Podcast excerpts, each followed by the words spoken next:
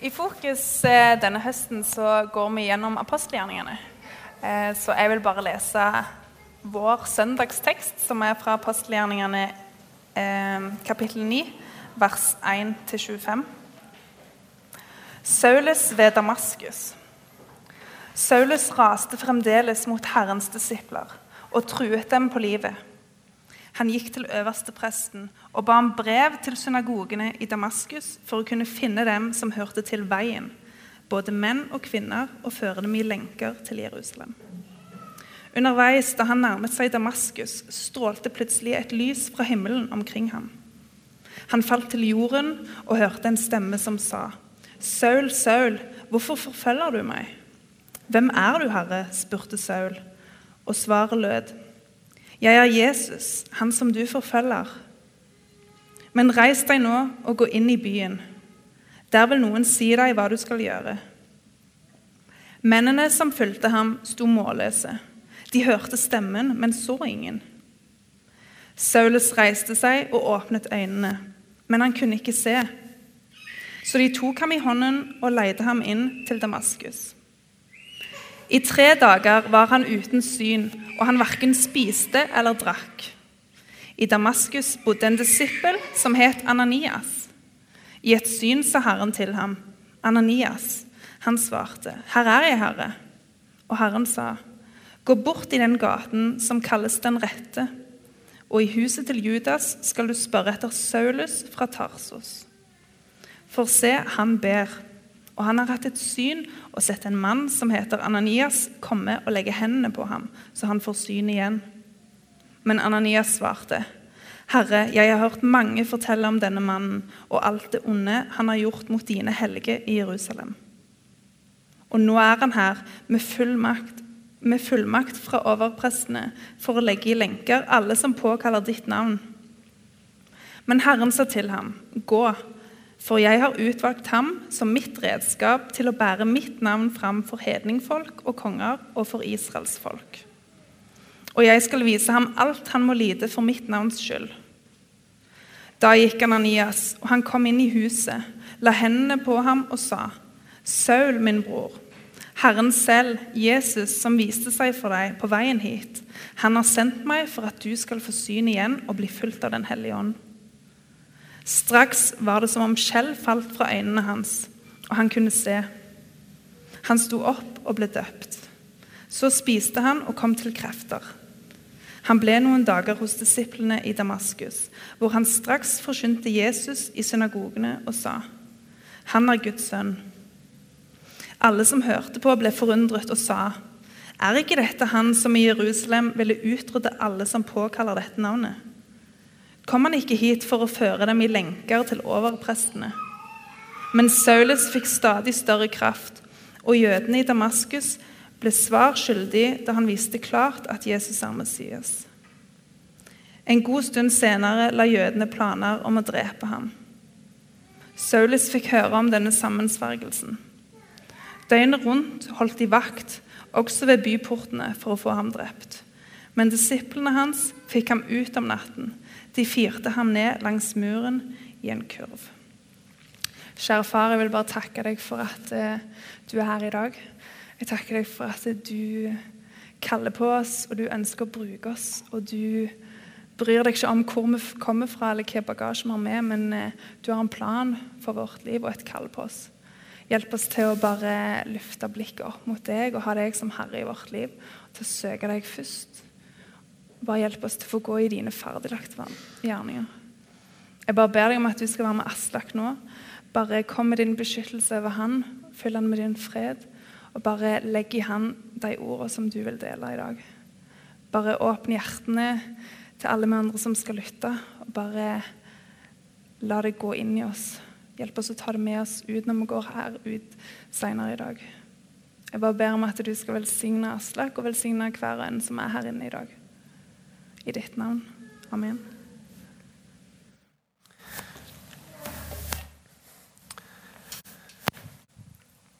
Hva skal vi med David og harpa hans når vi har sånn ei fantastisk fiolin og piano? He? Det står at Saul ble roa ned. Han hadde jo anlegg for å bli lett sint. Bitter ble han òg etter hvert. Og Så kommer vi inn her, og så får vi høre sånn musikk. Var ikke det herlig? Kan vi si ammen? Ja. Halleluja, det venter vi med. Det tar vi etter hvert. Men ammen det er det minste vi kan si. Og eh, jeg tenker at eh, vi må få inn noen kulturer her. Vi må bevisstgjøre hverandre. Og Kultur er det du brenner for, det du ønsker. Altså en kultur du setter. Det er en kultur du gjennomfører, at du faktisk gjør det.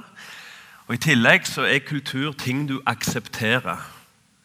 Og Det er noen ting vi òg ønsker ikke å akseptere. Vi ønsker ikke at det skal være sånn. Det kan være begge deler. det.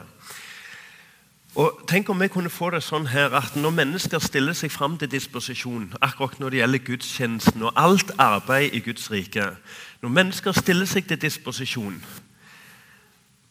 så ber vi dem fram.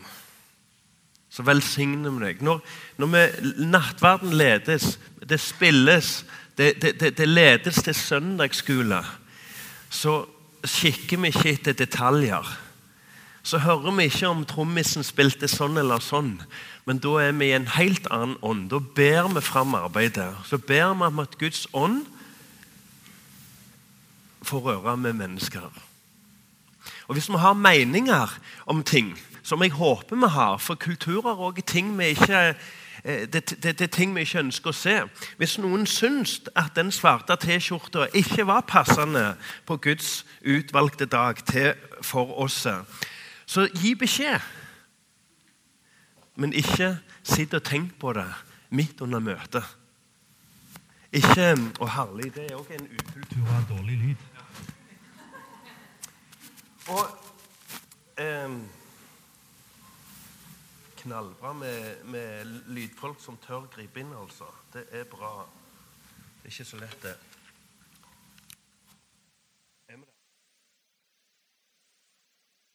Ja. Der er vi jammen meg. Var den bedre? Ja. Vi ønsker altså at eh, når gudstjenesten begynner, så går vi over i bønn. For vi trenger ikke bruke tid på all slags det Bibelen kaller kjødelige tanker. Da lufter vi det fram. Og da Når vi gjør det, så skal vi heller ikke være redd for å gå og jobbe med hverandre og påvirke hverandre og komme med gode tips. Det slo meg bare en liten ting her nå. Skulle vi ikke hatt et lite kart her, ikke sant? Som viser hvor vi går? Ja, nå er Aslak i gang og irriterer seg over ting allerede. Under nattverden. sant? Så jeg tror vi fortsetter å er i bønn. Og så um, har jeg lyst til å si at uh, i dag så handler teksten om Paulus. Egentlig litt rart, for den første delen av apostelgjerningene handler mest om Peter, som er en apostel for uh, jødene, de omskårne. Og etter jul så begynner teksten mest å handle om Paulus. Men nå begynner vi å møte Paulus ganske heftig. Og Den historien som vi leste nå, det er en av de viktigste i apostelgjerningene. Faktisk så viktig at Lukas, forfatteren, han nevner den tre ganger. Tre ganger. Og så er det jo selvfølgelig sånne kritikere da, som, trenger ikke være negative til seg sjøl, som kommer med tusen forklaringer på hvorfor det er gjengitt tre ganger. Og da er det noen andre som spør kan det være fordi det var viktig. Sant? Kan det være rett og slett fordi det var en viktig historie? Paulus sin omvendelse og omvendelse i det hele tatt. Og Det vi kan si til hverandre med en gang, det er det at eh, i dag, sier Herren I dag er det mye viktigere hva vei du vender blikket ditt, enn hvor du står. Teksten vår viser med all tydelighet at Paulus burde stått ganske godt i det. Problemet var at eh, ryggen var mot Gud. Er vi med? Så hva hjelper det om Paulus syns han var midt oppi det? Han var fariseer, han var født syv til ti år etter Jesus. Han hadde gjort en enorm karriere trass i alderen sin. Hvis du ser på Kagevari, de der store malerne, så blir jo han òg malt med så blir han også malt med skjegg og en gammel mann osv. Voldsomme muskler, da, men det er så. Men han var ung og hadde gjort enorm karriere og var i utgangspunktet nær Gud. Så vi har en god nyhet til hverandre med en gang. I dag er òg en dag for å vende blikket mot Gud. For retning er mye viktigere enn ståsted. Så vi stiller helt likt alle i dag. Det er ingen forskjell. Det fortelles om en matros, de på sjøen altså, som hadde seilt i 21 år. I de 16 siste så hadde han ikke gitt lyd ifra seg. Ikke brev, ingenting. Og så En dag så går han gatelangs i, i Cardiff stryker gatelangs, som det heter i den gamle historien. Og så slenger han inn i ei kirke. Og så er det en form for en basar der. Og kjøper et lodd, og det er nummer 400. Setter seg ned, lytter til alt, og så vinner han alle mannfolks skrekk en strikka ting som ikke er sokker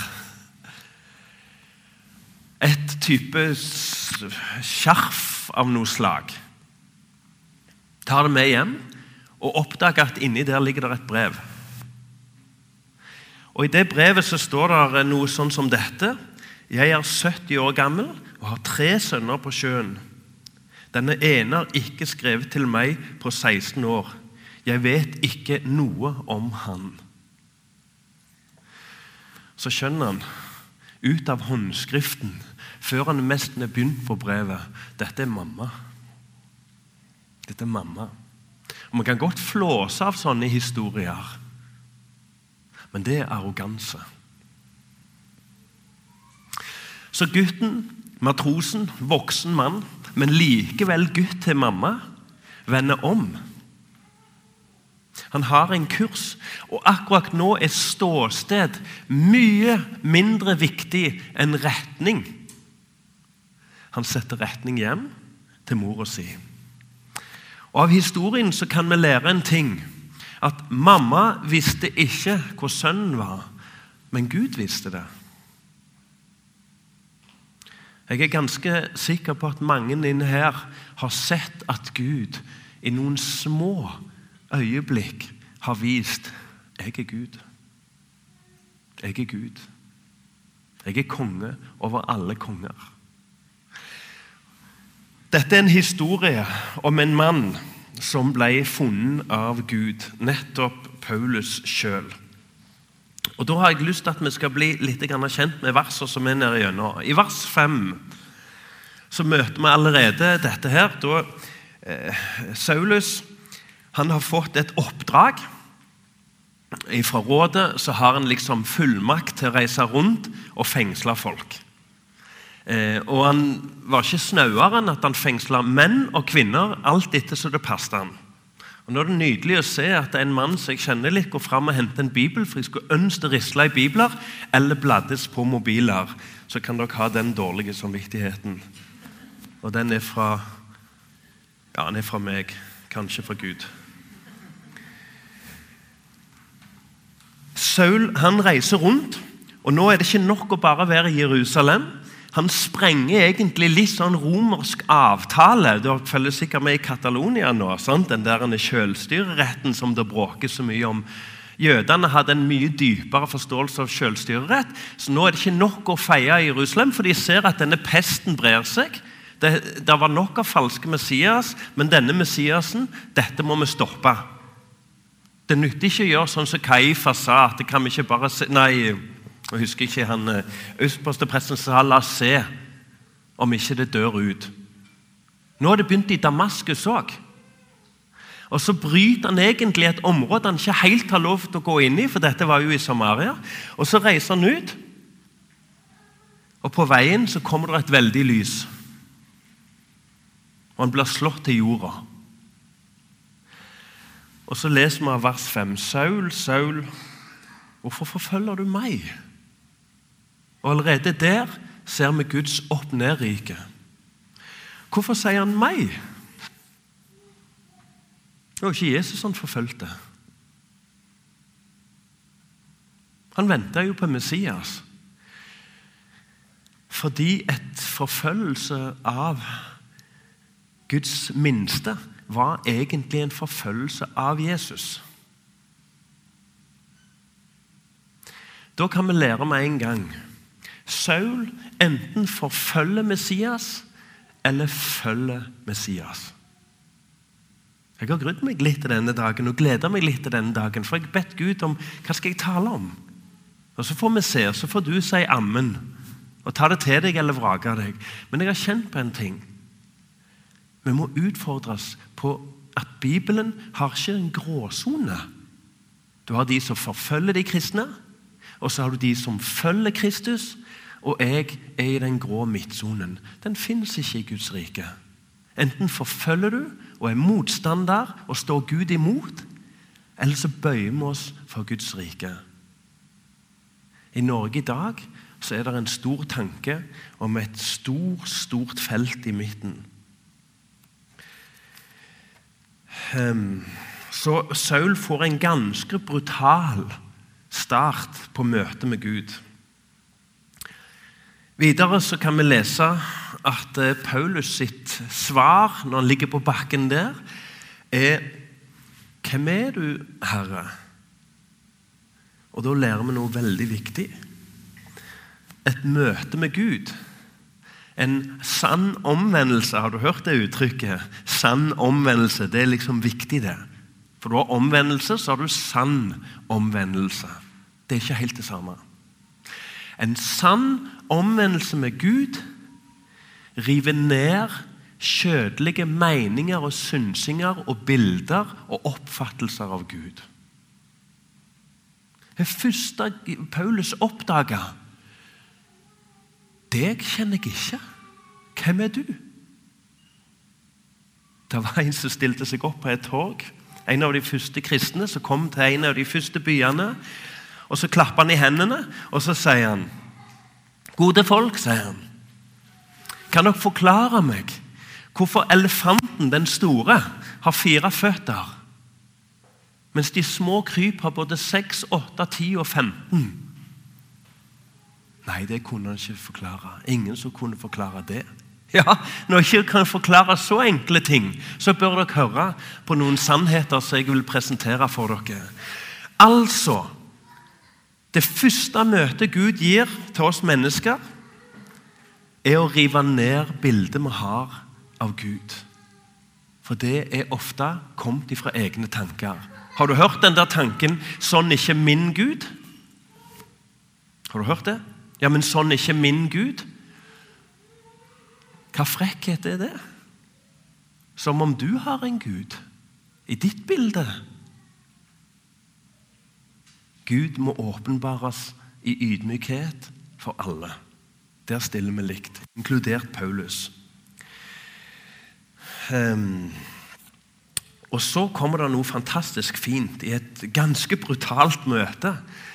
I vers 6 får vi liksom se litt inn i evangeliet midt i Paulus sin elendighet. Vi skal huske på at I tre dager så verken så han eller kunne snakke eller kunne gjøre rede for seg på noen vis. Og det står at han verken spiste eller drakk i tre dager. Og Det skal vi ikke tillegge mer enn at hvis vi tenker at han drakk ikke i det hele tatt Hvis Gud ville holde han i live uten å drikke, så gjør han det. En annen ting er det at det kan godt skrives som han drakk ikke, for det var ikke råd å få skikkelig drikke i han. Poenget var at Saulus var helt satt ut av Gud. Og midt i den dype nøden, stoltheten som var reven så voldsomt ifra han, så åpner Gud hele greiene med å gi et lite vindu inn i Guds rike. Et evangelisk sånn pust ifra Gud.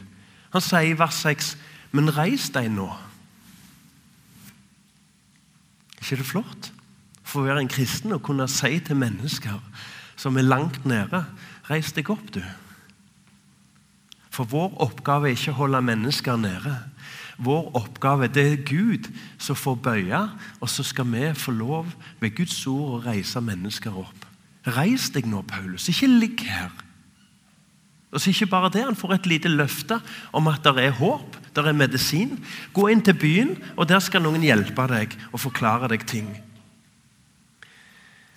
Jeg leste en plass at um, omvendelsens bakteppe er glede. Hvis vi tenker oss et teppe, så har vi vel alle vevd bitte litt på skolen. Eller gjør det ikke det lenger? med den store vevemaskinen. Ingen fikk prøve den store, alle fikk den der lille kjipe. Og så vevde vi. Og Da måtte vi alltid velge en sånn bak, vi måtte vende en grunntone. Jeg har vært med kunstnere. Jeg hadde Trond Borgen som lærer på Sola videregående. Fantastisk. Han tok oss med til store og små kunstnere. Og så fikk vi være med det at det, det begynner med en grunntone. Grunntonen i sann omvendelse er rød. Det er bare én farge i Guds maleri. Den er alltid rød. Den males med håp, blod, tilgivelse. Stå opp. Oppreisning. Slik som Kristus har oppreist, står det her. sant? Så Da kan vi si til hverandre med en gang at når Gud fører oss inn, og ofte ned, så er det fordi han vil reise opp. Ikke som krokbøyd, men fullt og fritt. Og Derfor så kan vi si at når, vi, når, når Jesus sier, eh, taler til dem, Peter taler til dem, så sier han ikke 'omvend dere' før helvete sluker dere. Sier han det? Det er helt sant. Helvete er en realitet. Men han sier ikke 'omvend dere før helvete sluker dere'. Han sier 'omvend dere, for himmelriket er nær'. Er ikke det flott? Um, I vers 7 så kan vi lese at uh, de mennene som fulgte Paulus, eller Saulus på den tida, de står der sto målløse. og De hørte en stemme, men de så ingen. Her lærer vi noe utrolig viktig. Jesus kaller bare og alltid én og én, selv når han kalle mange. Skjønte du det? Jesus kaller alltid bare én. På Kvitsøy, på Ropeihalvøya, i Mossby har det vært enorme vekkelser opp gjennom kysten, innover i landet i Norge. Så ble bygder snudd fra å være djupt kriminaliserte. Lensmenn søkte seg bort, var full av elendighet. Og hele bygder ble snudd på hodet. Men alle ble kalt personlig ved navn. Jesus henvendte seg ikke generelt til ei gruppe. Han henvendte seg til én person. Og Derfor så har jeg lyst til å si til deg som er her i dag, som har rota deg inn i en tanke om at du er i fokus, så det står ikke så verdt til. Du som tenker jeg kommer fra et kristent land, så det står ikke så verst til. Jeg er jo kristen. Og hvis noen stiller spørsmål om du er kristen, så blir du nesten litt fornærma. Da har du rota deg vekk. Ingen er kristen fordi om du kommer fra et kristent land. Ingen kommer til himmelen fordi om du er en kristen familie. Ingen kommer til himmelen fordi om du blir kalt pastor. Nå er det til og med lov å kalle det det i NLM, har jeg lest.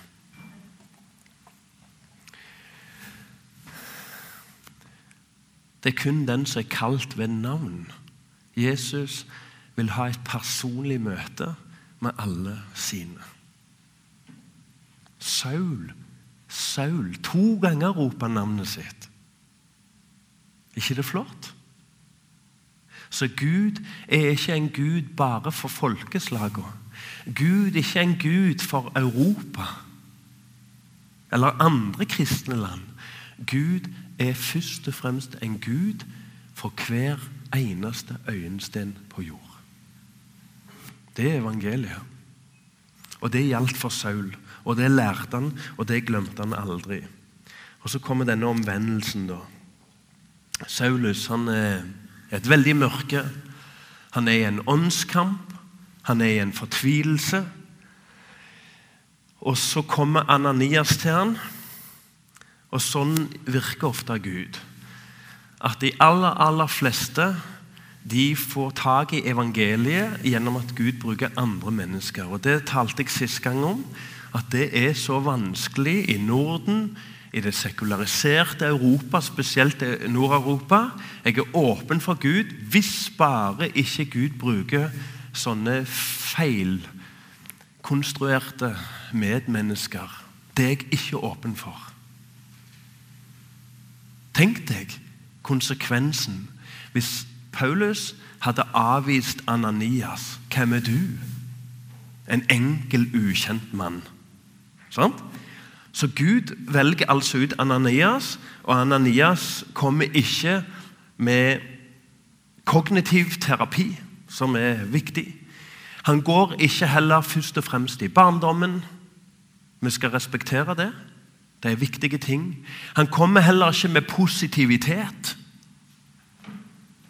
Men han kommer med et frelsesbudskap, et dåpsbudskap, og løser han i Jesu Kristi navn. Paulus vet forskjellen på å forkynne om Jesus og til Jesus. Vet, nei, Ananias vet forskjellen å forkynne om frelse og til frelse. Ananias lufta fokus vekk fra seg og viste Messias for Saulus. I Malaki kan vi få opp det. Vers 3, kapittel 3 og vers 7 så står det et spennende bibelvers. Helt fra deres fedres dager har dere veket av fra mine lover. Dette er Guds fortvilelse over sitt utvalgte folk. Og ikke holdt dem.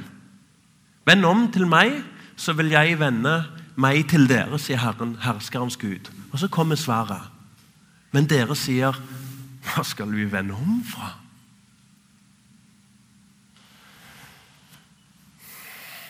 Dette er en dag.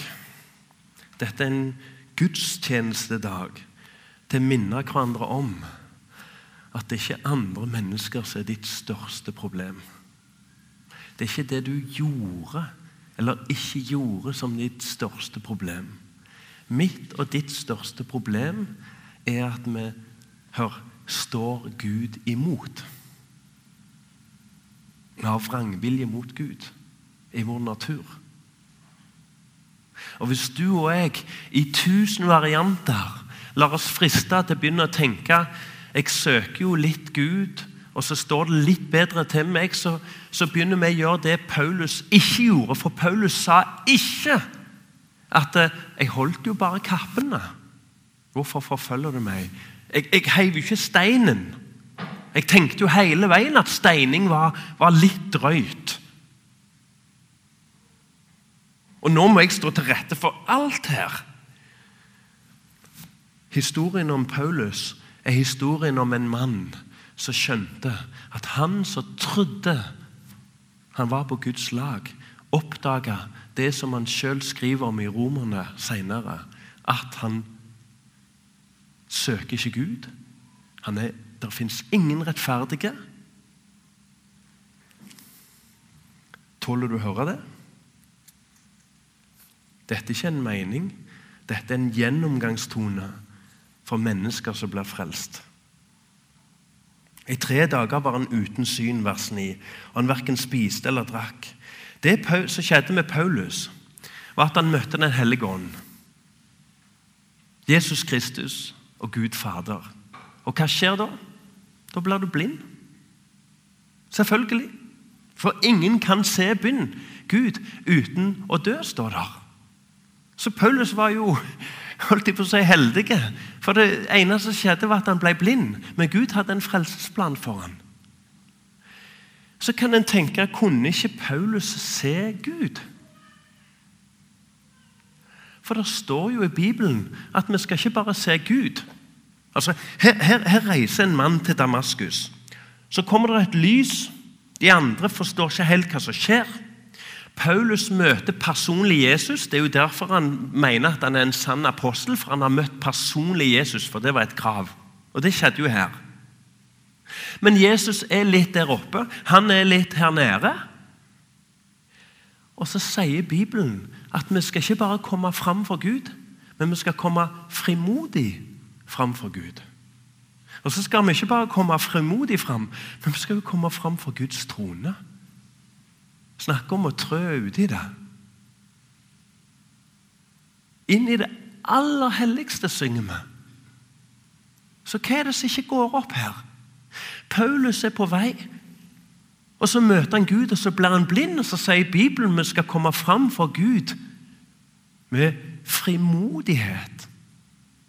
Og I nattverden så sier vi ikke bare at det kom krypende annenhver måned, men så ofte som dere samles. Det er med andre hos Guds hjerteslag at han ønsker å dele sitt legeme og sitt blod så ofte som det lar seg gjøre i et jordisk liv. Hva er løsningen? Paulus så sin synd, og da så han plutselig en ny mann. Han så Messias. Paulus så både sin vanhellighet, og det åpna opp for at Gud ble hellig på en helt ny måte i hans liv. Han så Messias. Han som han forfulgte, ble han som han fulgte. Ser du den store forskjellen? Så å møte Gud på generell kjærlighetsgrunnlag er forferdelig. Det fører til fortapelse. Men å møte Gud med kjærlighetens substans, kjærlighetens dype innhold, kjærlighetens dyre pris Ser du korset er tomt? Det kosta Gud alt. Og Da er spørsmålet hva ser vi? Hvor er blikket hen? Så dette er altså en dag ikke for posisjon, ikke for alder, ikke for skjønn og nådegaver og alt det der. Det er en dag kun for retning. Husker du de 72? Syns det er en sånn merkelig historie. Fordi eh, disiplene har jo reist ut, og så, og så eh, skulle de gå to og to, 72 stykker. Og De skulle ikke stoppe på veien, de skulle være veldig sånn Jo, det skulle de gjøre. Og når de kom fram til døra, så skulle de hilse med Guds fred. Dette er en oppskrift på evangelisering for oss i dag. De skulle hilse med Guds fred. Og så skulle de følge med på en ting i det hjemmet, om det var et Guds barn. Fredens barn, mente jeg. Unnskyld, det var ikke det samme. Om det var fredens barn i hjemmet. Og Hvis det ikke var der, så skulle du gå videre, og til slutt skulle de børste beina og forlate hele byen. Og så gjorde de det. Høres veldig brutalt ut, men i, et, i en kamp om evigheten så er det slettes ikke brutalt. Det spørs hva, hva, vinkel du ser det for. I en kamp om evigheten så står du ikke og plukker i den som er død i en redningssituasjon. Du leter jo etter den som det er håp for. Hva det er, en helt annen ting. De reiser ut. Det skjer store tegn under. Åndene lyder de. Helbredelser skjer. Og Så kommer de tilbake, og så er de rusa på åndens kraft. Det er da Jesus ser at de fulgte alt unntatt retningen han ga dem. For han sier til dem Gled dere ikke over at åndene lyder dere, litt fritt gjengitt etter meg nå. Gled dere ikke først og fremst over at åndene lyder. Det betyr at Jesus har ingenting imot at åndene lyder. Snarere tvert imot. Var jo det han ba de gjøre. Så det er det plass til. Men alt faller i fisk hvis ikke den dype gleden er i at navnet er skrevet i livets bok. Dette er en dag for retning Og dette er en dag for det viktigste av det viktige. Er ditt navn skrevet i livets bok? Du kan være medlem i Fokus. Du kan være medlem i hva du vil for, for Guds rike sak. Og det er ikke uvesentlig. Vi skal ikke bruke Jesus og trekke det opp fra hatten og så feie bordet med alt det vi passer oss. Men i dag er spørsmålet én ting. Er ditt og er mitt navn skrevet i livets bok? Og Da er det et ja eller et nei. Da er det et følge Jesus, og da er det et forfølge Jesus. Det er ingenting imellom. Eh, jeg har lyst til å bruke den siste delen nå på mm, noe spesielt som skjedde i mitt liv. Og det er jo ingen ende på så spesielle ting. Um, Jeg husker når jeg var um, 16-17 år. Kanskje jeg var 18. Jeg gikk i hvert fall på videregående. Så var jeg ofte innom hos Gundla Solberg. Snart er sikkert Gundla òg inn igjen. Eller er det det allerede? Men jeg tenkte jeg er den eneste som har ei bestemor som heter Gundla. Hun ble 96 år gammel. Og så har jeg lyst til å fortelle at jeg ble litt skuffa av Gundla. Jeg syns du var litt fåmælt.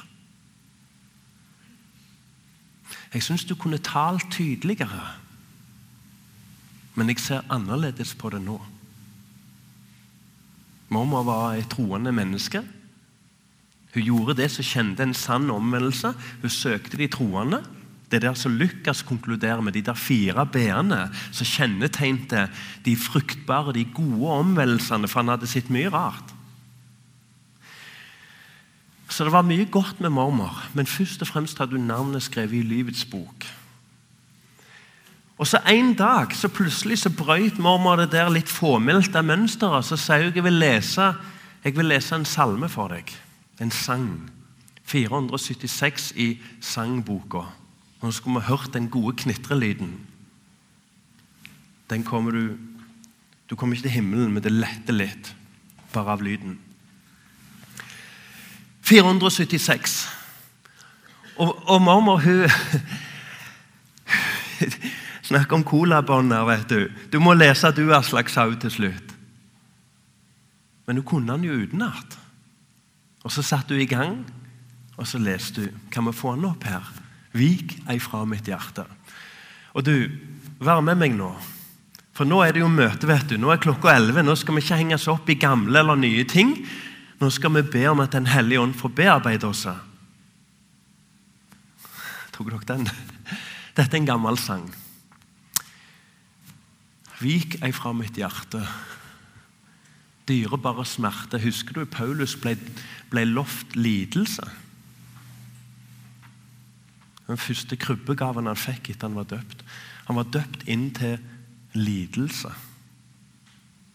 Vik ei fra mitt hjerte dyrebare smerte, åndens fattigdom. Det er det der å være fattig i ånden. Det å se at jeg er knust. Jeg har ingenting å komme med. Og Før vi fortsetter, så har jeg lyst til å si jeg spurte en misjonær i går. Brevik Kristian, han var her i går på Internasjonal kafé. Og Så spurte jeg han, Kristian, du jobber blant uomvendte hedninger. Hva er det som kjennetegner arbeidet du sto i, hvis du tenker på ordet omvendelse? Så fikk jeg det fra han. De største synderne var de som fikk den tydeligste Jesus-etterfølgelsen. Er ikke det rart? Paulus sier at han er den største synderen av alle. Og den minste apostelen av alle. Som vi alle vet er den største. Vik fra mitt hjerte dyrebar smerte, åndens fattigdom. Og hør nå her, så får du mene akkurat hva du vil om kristendom. Men her er det en sannsgjerning kjensgjerning. Vis meg mine brister, så jeg aldri mister nådens legedom. Gud har en plan med våre liv. Og Hvis min og din vandring her på jord handler om å slippe billigst unna, så blir fruktene deretter. Gud vil vise oss noen ting for at vi aldri skal miste tanken om å ha navnet skrevet i livets bok. Og Så er det jo en kar da som, som For vi kan spørre oss trenger vi den omvendelsen. da? Er det så viktig? Husker når jeg var i min onkels begravelse. Jeg var 14 år. Så husker jeg presten sa det at eh, onkel Steinar var døpt, så alt var i orden. Ja, dåpen er et under. Det er et mysterium. Men han sa ingenting om at onkel Steinar fulgte Jesus. Jeg var 14 år og hadde større innsikt enn presten. Jeg kjente det i mitt hjerte. Du er blind, gode prest. Og det sier jeg som har et evangelisk luthersk dåpssyn. Ja. Og da er spørsmålet vårt Hvis vi ikke ser behovet for omvendelse, ser vi heller ikke behovet for daglig omvendelse. Rett før kapittel 9 så leser vi om en trollmann som heter Simon. Han bodde i Det står helt stilt kapittel. Det var i hvert fall Philip som talte og gjorde sterke gjerninger. Og Han blir veldig fascinert, og så lar han seg døpe. Og så står det ikke bare det, men han, han var blant Philip, står der. For han så han gjorde store, kraftige gjerninger. En dag så står det det at, for dette i tidlig kirke, så står det at ånden var ikke kommet over dem ennå. Så ånden traff person etter person. Og Da sier plutselig Simon til Philip Den ånden som de andre har fått, den vil jeg kjøpe. Er dere med? Og Da sier Philip 'venn om', for det er fra Satan, det du holder på med nå. La oss lese neste vers til slutt. Eller jeg kan lese det, jeg kan lese det sjøl til slutt. Eller for um, to sekunder.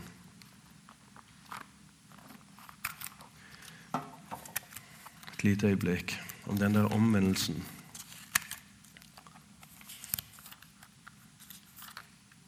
Sorry. Beklager. Ja, vi leser den der. Blir du selv fornøyd? Har du alt det bøyd bort fra livets tid? Bare de som kjenner syndens nød, seg venner? Hen til nåden fri. Så får vi neste.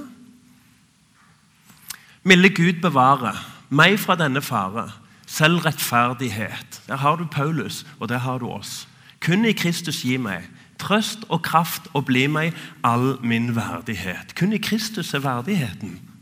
Den som ser på korset, den lever et kraftfullt liv. Og så til slutt. Høyst elendig går jeg, men i Kristus står jeg dog i hellig skrud. Jeg i dette klene ren og skjønn kan trede fram for himmelens Gud. La oss ikke tro at bedehus og kirke var bare mørkt før.